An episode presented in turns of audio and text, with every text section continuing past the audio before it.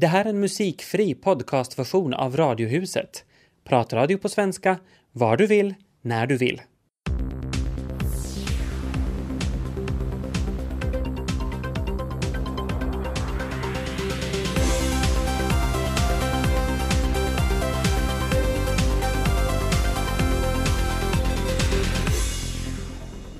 Och här börjar Radiohuset med Ami Lassila och Tobias Larsson i studion. Grå ekonomi är allt från att smussla med kvitton till organiserad brottslighet. Vi ska idag träffa en man som jobbar med att bekämpa det här. Och en ny bok avslöjar vad människor mest av allt ångrar när de ligger på dödsbädden. Radiohuset är med dig fram till fem. Lars Ahlbäck, välkommen. Tackar, tackar. Du jobbar med att kämpa mot den grå ekonomin. Vad är grå ekonomi? Ja, grå ekonomi det är något som härrör sig till det här som man brukar kalla ekonomisk brottslighet. Man brukar tala om grå ekonomi och svart ekonomi. Och det här grå ekonomi det är det att företag inte följer liksom samhällets så ska man säga, spelregler. Det vill säga lämna skatter, pensioner, eh, tull, avgifter och sånt obetalda. Och därigenom så får ekonomisk nytta. Och svart ekonomi det är ändå som man brukar kategorisera direkt kriminell verksamhet.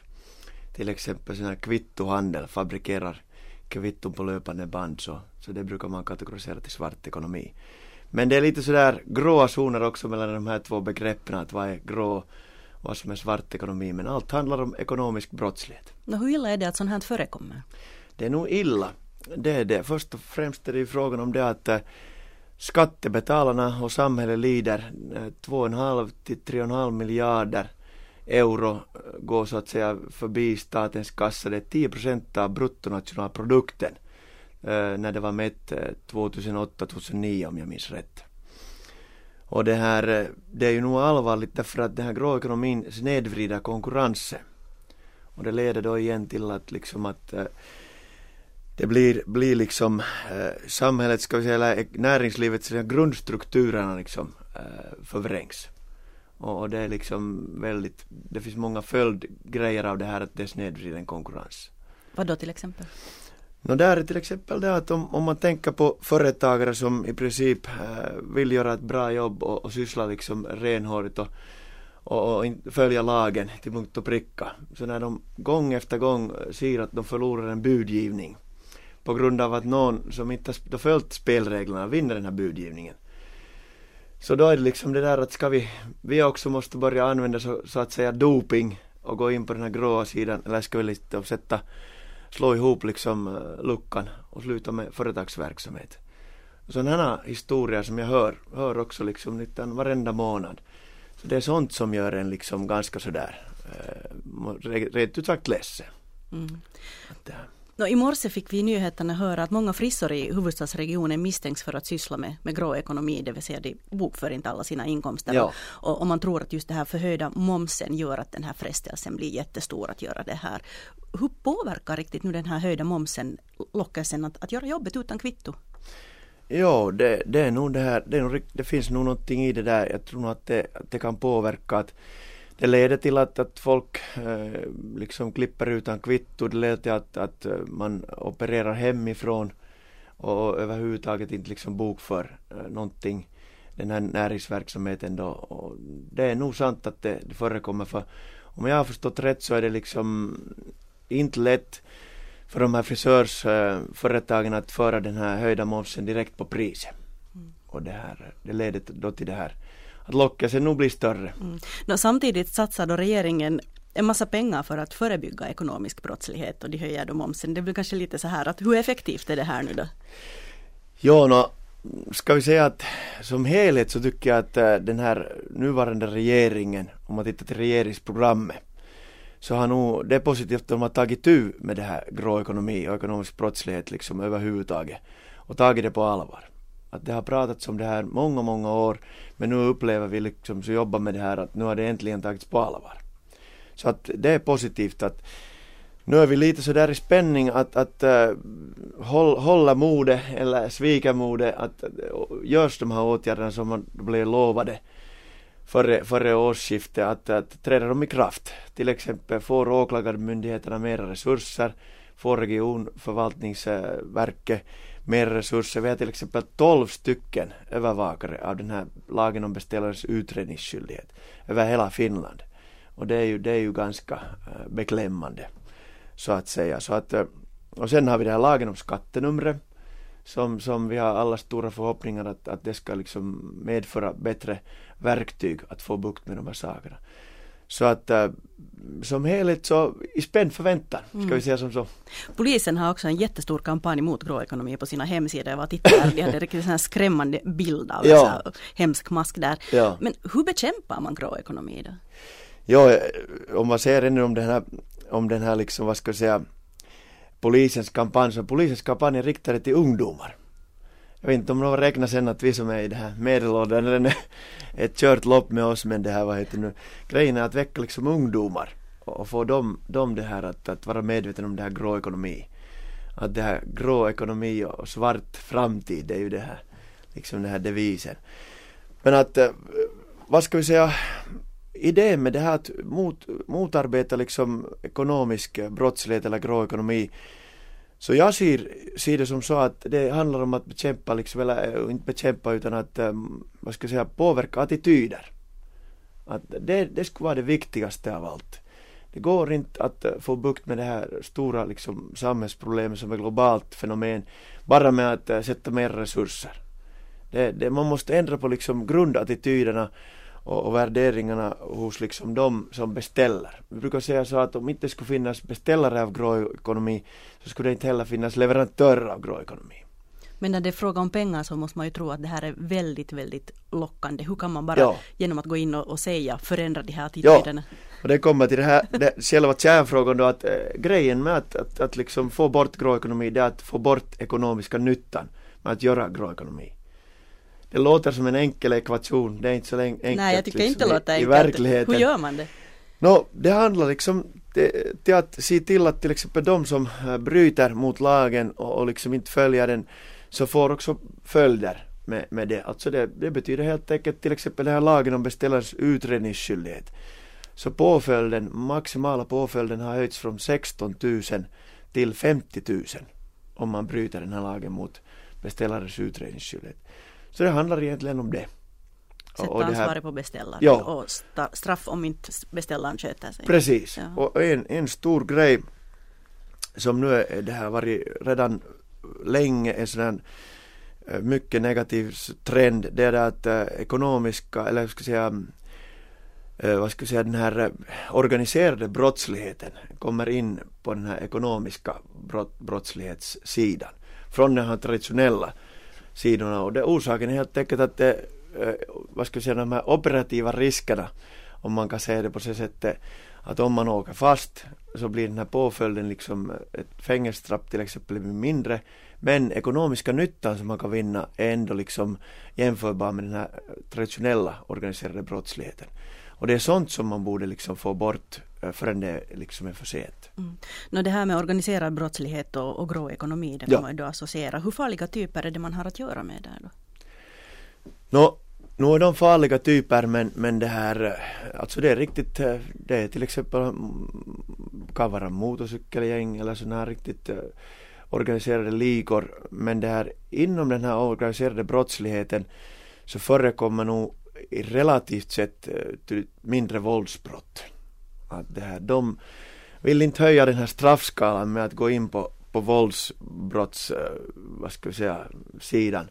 Utan hålla sig renodlat där inom ekonomisk brottslighet. Eh, då är det liksom helt enkelt den här straffpåföljden mindre. Mm. Att tar man steget på den där andra sidan så pratar man om en helt annan, annan sak. Så att vi, vi har inte upplevt på det sättet och jag har nog talat med liksom poliser som har jobbat inom det här område och inte, inte har de heller upplevt att det är lika farligt som på den andra sidan. Men du jobbar då själv med det här, har du själv blivit hotad?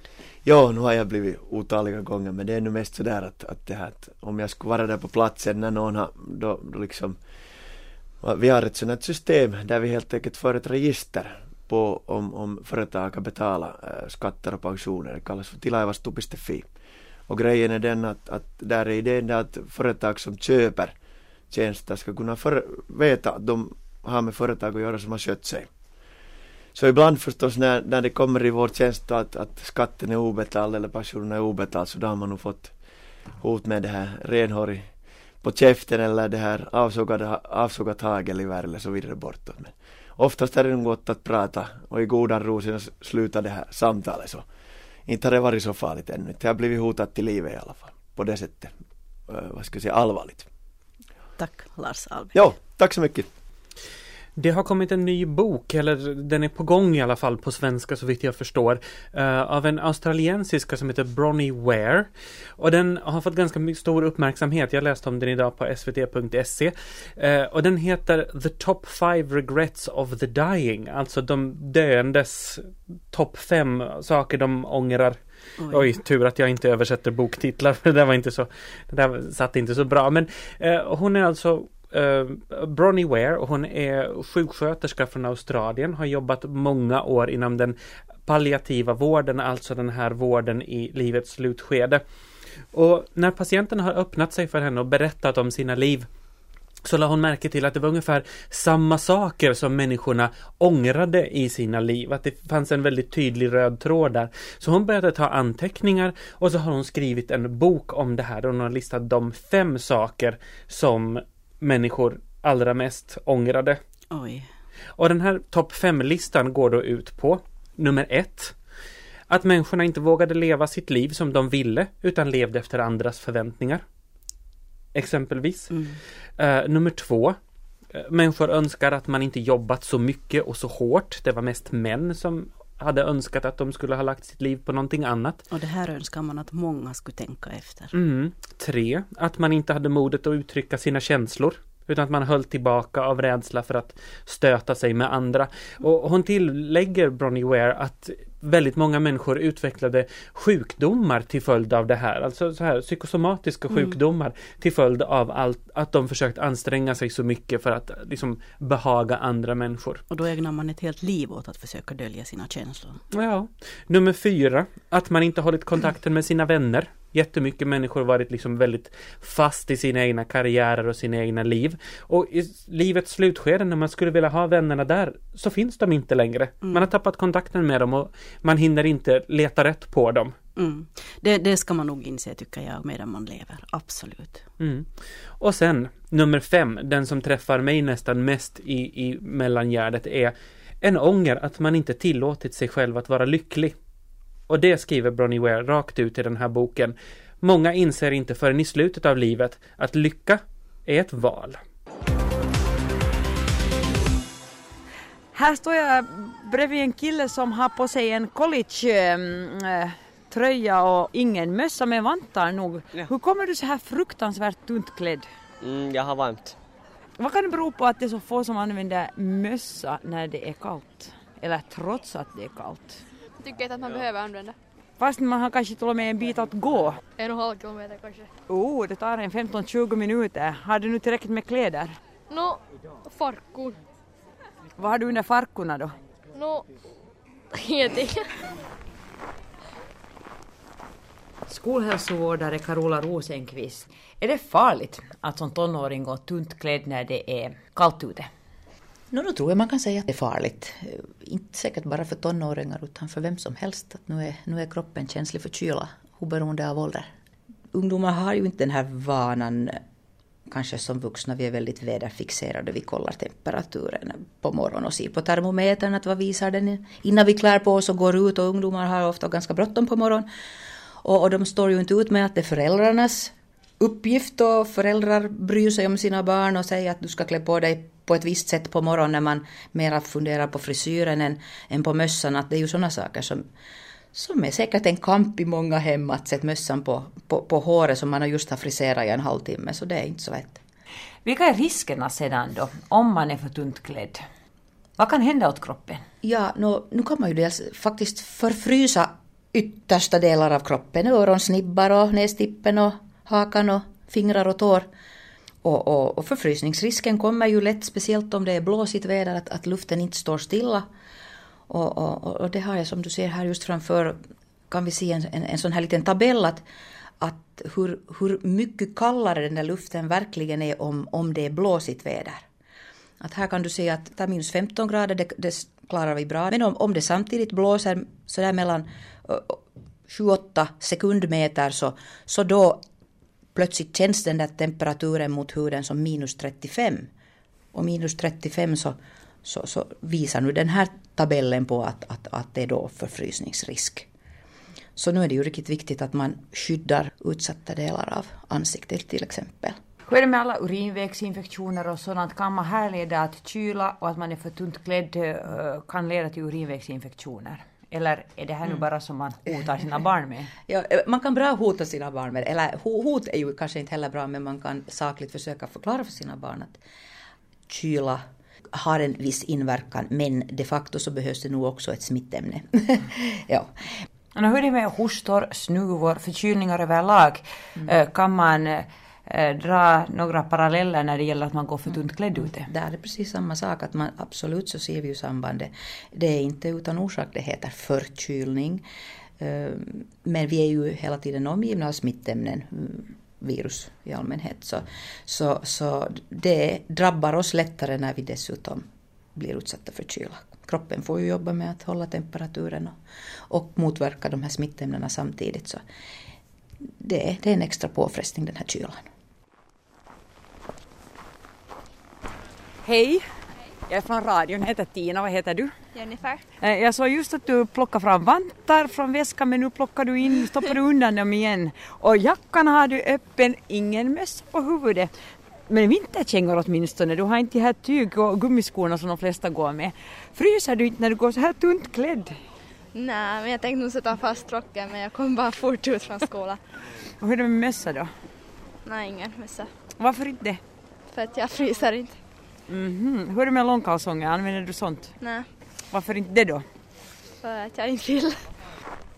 det, det har väl kanske all, i alla tider varit så att det där med trender och, och, och kläder, klädbruket så, så följer sina, sina egna vägar och, och, och det är inte alltid så vettigt så som vi vuxna ser det åtminstone. Nu, om man förfryser, ehm, till exempel öronsnibbar eller någon del av ansiktet, så vad betyder det på sikt? Jag menar, är, är den här huden, det här yttersta lagret förstört för all framtid? Kommer man alltid sen efter det att vara extra, som man säger, väderkänslig? Eventuellt en, eh, det, man klassificerar köldskador lite på samma sätt som, som brännskador. Att det beror på hur på djupet de har gått. Man, man kan se riktigt djupa och svåra köldskador och då, då blir huden svart och liksom den här vävnadsdöden, nekrosen är, kan, kan vara riktigt allvarlig och då, då har man kanske helt enkelt eh, mista en tå eller ett finger, att man måste avlägsna riktigt skadade delar men att en sån här ytligare och lindrig köldskada eh, kan läkas. Eh, det kan eh, bli ett litet ärr, huden blir vit och känslolös och så här för en tid men, men att hur den kan reparera sig det, det beror precis på hur, hur långvarig och hur djup den här köldskadan då har gått. Hur är ett exempel sånt som när man går med bar rygg? Eh, Jag själv som barn fick alltid höra att se till att du har varmt om ryggen. Finns det risk till exempel för att inre organ kan ta skada av, av strängköld? Nå, inte så här lokalt, det tror jag inte. Alltså inre organ, eh, de som vi nu har i, i, i bukhålan och så här, där hålls ju liksom temperaturen eh, jämnare. Att det är nog de yttre delarna, de perifera delarna av, av kroppen som först tar skada. Sen är det ju en helt annan sak om vi talar om hypotermi, att kroppen faktiskt blir generellt nedkyld. Det är allvarliga lägen. Att bli liggande till exempel i en snödriva, om man är väldigt till exempel som ungdomar ibland, dessvärre om vi tän- tänker på ett sånt läge, berusar sig i, i, i kraftig berusning, blir liggande i en, i en, en snödriva och, och, och, och, och, och kroppstemperaturen kommer åt att sjunka så det är ju livsfarligt. Går du självförståndigt klädd, Carola Rosenqvist? Ja, jag tycker att jag går... För att jag... Jag tycker inte om att frysa. Men hur var det när du var tonåring? Jag tror att jag var nog som många andra tonåringar och nu, nu, nu minns jag precis att, att eh, det förekom sådana diskussioner om vad som var klokt och inte klokt. ja. Skolhälsovårdare Carola Rosenqvist intervjuades av Tina Grönros och Radiohuset påminner ta på er varmt om huvudet om ni går ut idag nu så här mitt i smällkalla vintern så vill jag faktiskt prata lite om sommaren. Jo, oh, det, gärna. Ja. Jag är helt med på noterna. Men nu faktiskt så är det dags att söka sommarjobb och jag läste idag att Åbo stad lottar ut sina jobb för 16 till 18-åringar som inte har jobbat för stan tidigare och Helsingfors stad har meddelat att de tar lika många sommarjobbare som tidigare, alltså hela 4300. Och i Vasa startade ansökningstiden igår. Mm. Så det är nog dags att fundera på det här nu för sommarjobb så det är nog en jätteviktig inblick i arbetslivet. Det här att få egen lön och allt det här. Vad hade du för sommarjobb Tobias? Uh, ja, eh, jag hade ju inte så mycket sommarjobb därför att uh, nu skyller jag på att jag är uppvuxen mitt ute i skogen. Det fanns inte så mycket sommarjobb att få där faktiskt.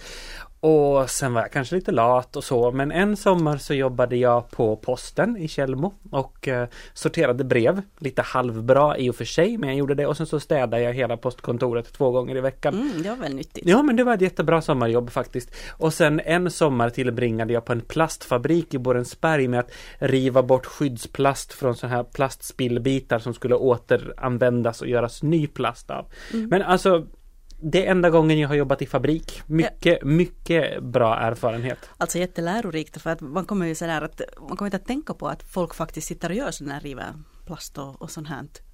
Det är bra för unga att, att märka det där. Ja, inte bara för unga. Mm. No, jag hade själv en sommar faktiskt, det som säkert många tycker är drömjobb. Jag var strandstädare och dessutom råkade det sig att den månaden så regnade det inte en endaste en dag.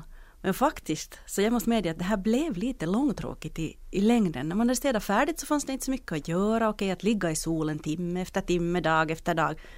Det blev trist. Och så måste man ändå vara där för sen kom det där arbetsgivaren och här överraskningskontroller. Åh, är du på plats eller har du stuckit iväg? Så det var inte som Baywatch? Nej, jag var ensam där och sådär. Mm. Några kompisar kom och hälsade på ibland men okej. Okay. Så i andra änden igen som kanske inte var det där riktigt drömjobbet så det var att jobba på det här fiskfabrik. Att stå vid löpande bandet, sätta vassbuk på burk och filea sill. Och jag skar sönder finger efter finger efter finger och satte plåster på. och saltvattnet sved i såret. Nej, det var inte roligt.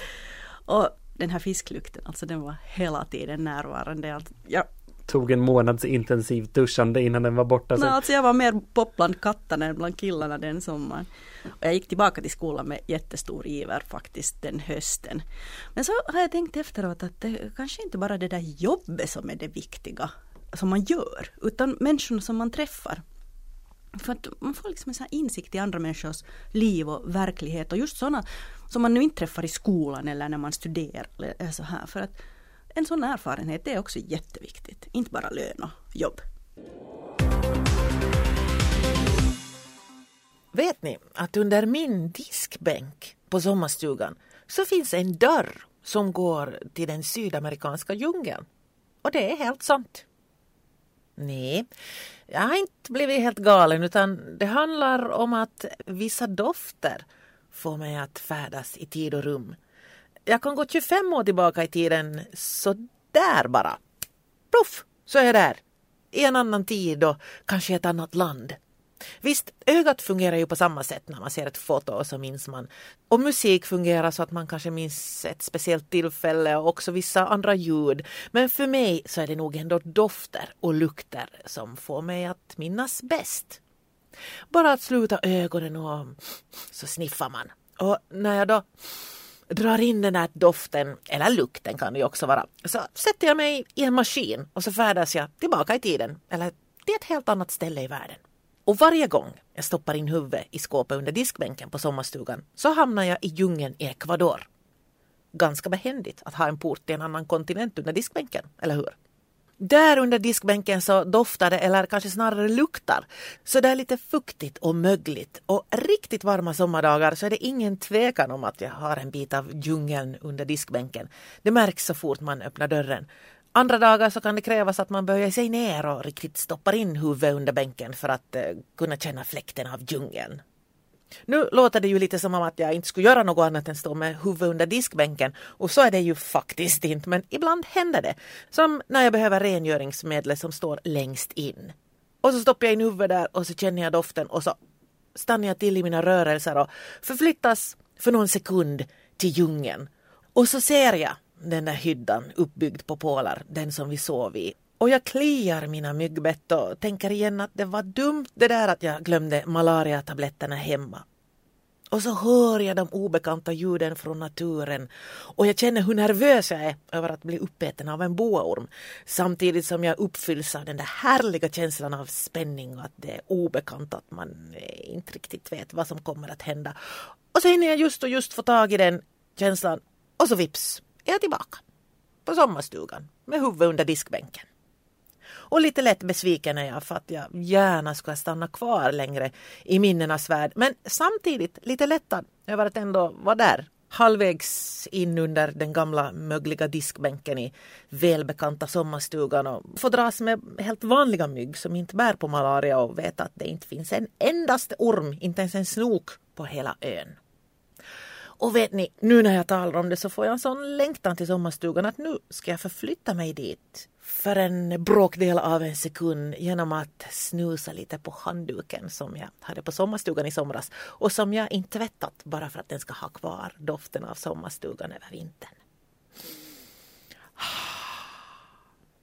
Jag heter Filippa Sundlin och jag längtar efter sommardoften. När jag tittade på vår barometer i morse så trodde jag inte mina ögon för att jag har aldrig sett den på så högt tal som den var nu. Och det har sin förklaring för nyheterna berättar att det är faktiskt 40 år sedan Finland har haft ett sådant här häftigt högtryck från den sibiriska tundran. Ja, det, det, låter ju fantastiskt. Så jag antar att vi alla borde bara gå ut i det här vädret och glädjas åt att vi får uppleva det här. Nej, inte alls. För att det faktiskt ett högtryck det leder till det där att uh, det blir som ett lock här ovanpå alla avgaser. Allt det hålls här nedanför och, och luften blir ganska ohälsosam faktiskt att andas. Så att, och jag tycker nästan man, jag vet inte, kände det där. För att man drog djupa andetag i morse så jag började så hosta och sådär. Ja men det är ju jobbigt, det är ju jobbigt att andas kall luft också mm. naturligtvis.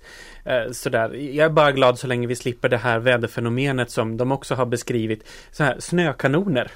Ja, när det, det har kom... de ju i skidbacken. Ja, men alltså så här riktiga snökanoner tänkte jag. Jag tänkte också att det handlar om snö, som sådana i, i skidbackar.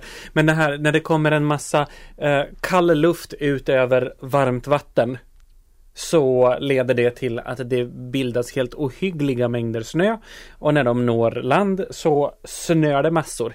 Jag kommer ihåg i Gävle i Sverige för ungefär, jag tror att det var 14 år sedan, så kom det en sån här snökanon som faktiskt snöade in hela stan. Det föll en och en halv meter snö på ett par timmar. Oj nej! Ja, det tyckte de i Gävle var sådär lagom kul. Så kyla okej, okay, men mer snö än så här behöver vi kanske inte. Nej tack!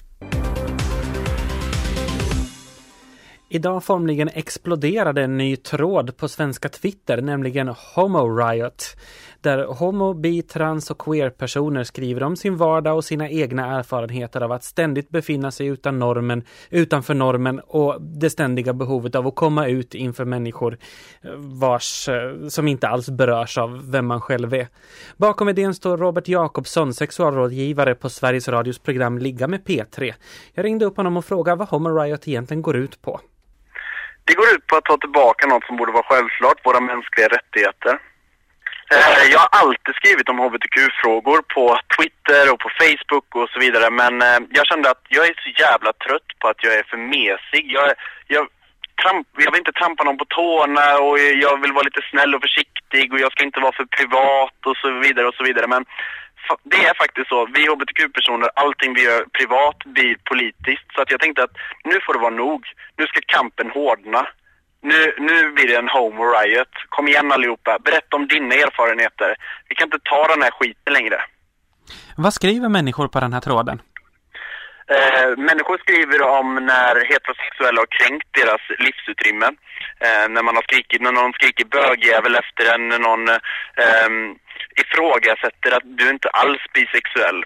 Eh, när folk har åsikter om en och när folk tänker sig att, eh, vad ska man säga, eh, att man får, när heterosexuella känner att de får ta sig rättigheten att eh, eh ställa privata personliga frågor med någon man inte känner. Jag har flera bekanta som har frågat mig, vem tar vem?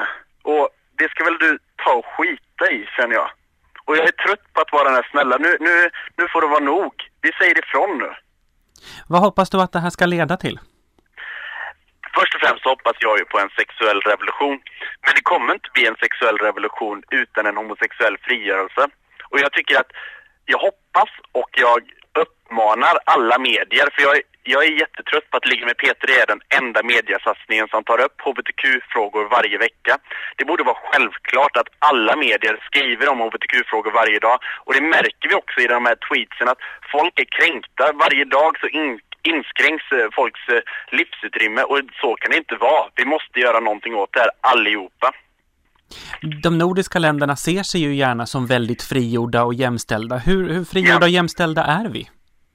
Jag tycker inte vi är ett dugg. Vi är varken jäms, jämställda. Vi har skitkonstig lönesystem där, där eh, män premieras. Och det är bara ett yttre tecken på den heterosexuella mannen som norm. Och det här måste hbtq-personer alltid förhålla sig till. Det finns ju också forskning som visar att hbtq-personer tjänar mindre än heterosexuella. Det säger också någonting.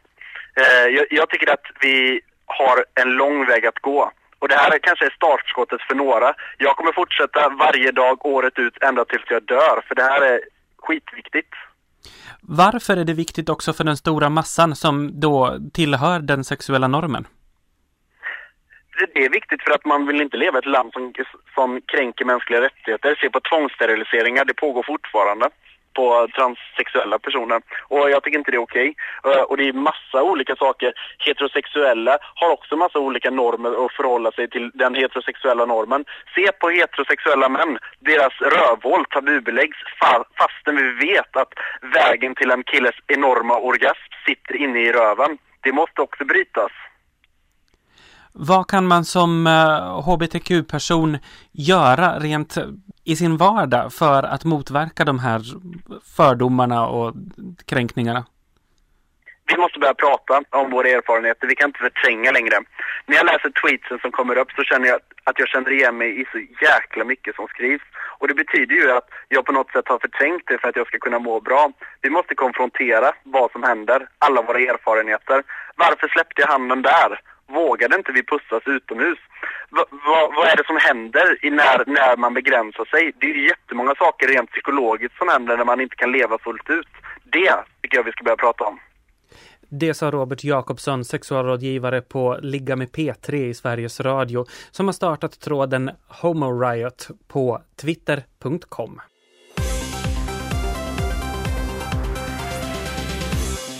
Det här var en musikfri podcastversion av Radiohuset som sänds i Radio Vega måndag till torsdag.